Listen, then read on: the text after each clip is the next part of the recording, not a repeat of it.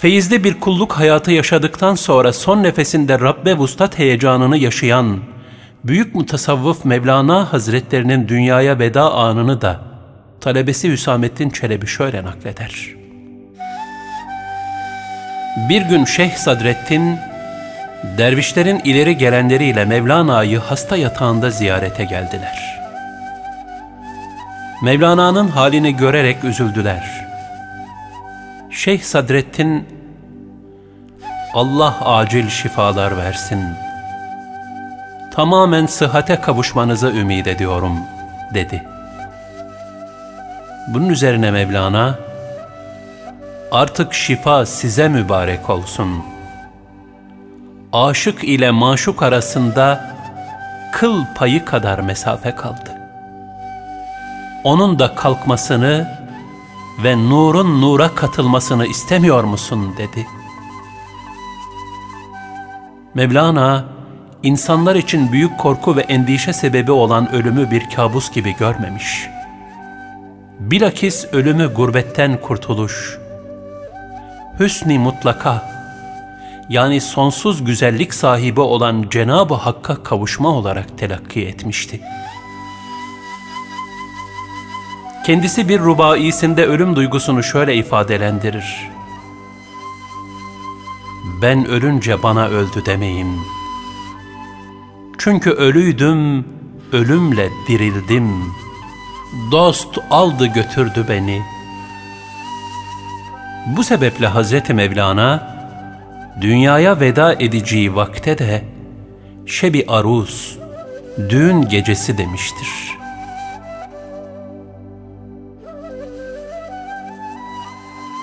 Şüphesiz ki Hazreti Mevlana, Yunus Emre, Aziz Mahmud Hüdayi gibi nice hak dostu gönül erbabının dünyadaki huzurlu hayatı kabir alemlerinde de devam etmektedir. Aşağıdaki şu mısralar adeta böyle bir huzuru terennüm etmektedir. Ölüm asude bahar ülkesidir bir rinde.'' Gönlü her yerde buhurdan gibi yıllarca tüter. Ve serin selviler altında yatan kabrinde her seher bir gül açar, her gece bir bülbül öter. Yahya Kemal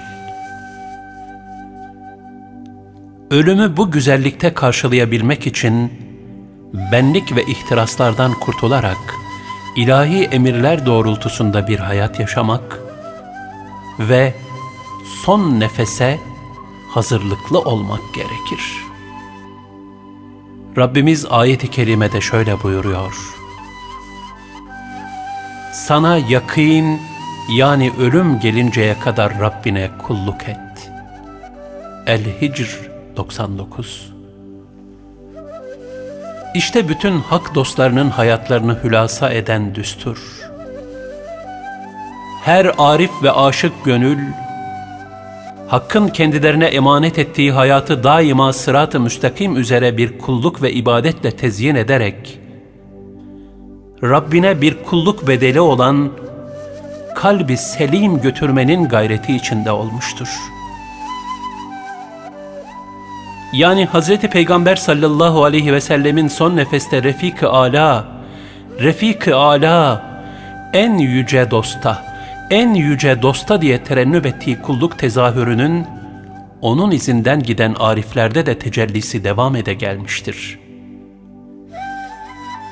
Nitekim bu hak dostlarından, bütün ömrünü Resulullah sallallahu aleyhi ve sellemin sünneti üzere yaşamaya gayret etmiş olan, Mahmud Sami Efendi Kuddise Sirruh'un son nefesteki hali de bizler için ne güzel bir numunedir. Sami Efendi ki, gönlü peygamber aşkıyla dolu bir hak dostuydu.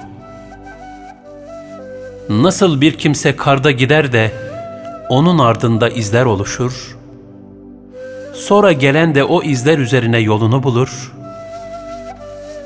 işte Sami Efendi de Peygamber Efendimiz sallallahu aleyhi ve sellemin izlerini tıpkı böyle takip ederek ömür sürmüştü.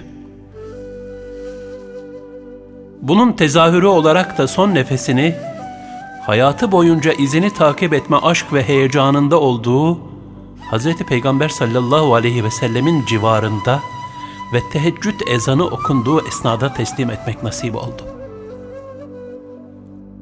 O son demde yanında bulunanlar, lisanından çıkan lafızların sadece Allah, Allah, Allah olduğunu işitiyorlardı. Aslında yalnız dili değil, bütün hücreleriyle beraber cesedi de ruhu da daima Allah diyordu.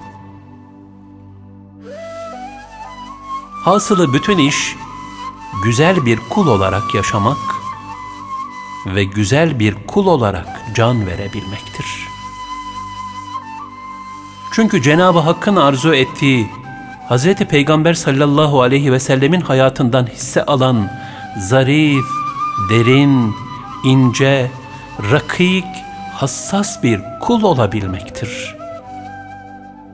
Rabbin ne güzel kul iltifatına mazhar olabilmek, ancak Hakk'a gönül verebilmenin sevdasına düşebilme neticesindedir.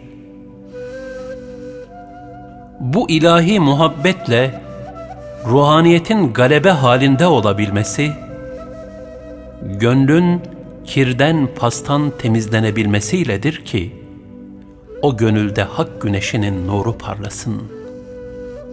Bu halin neticesinde de inşallah aldığımız her nefes son nefese hazırlık mahiyetinde olacaktır.''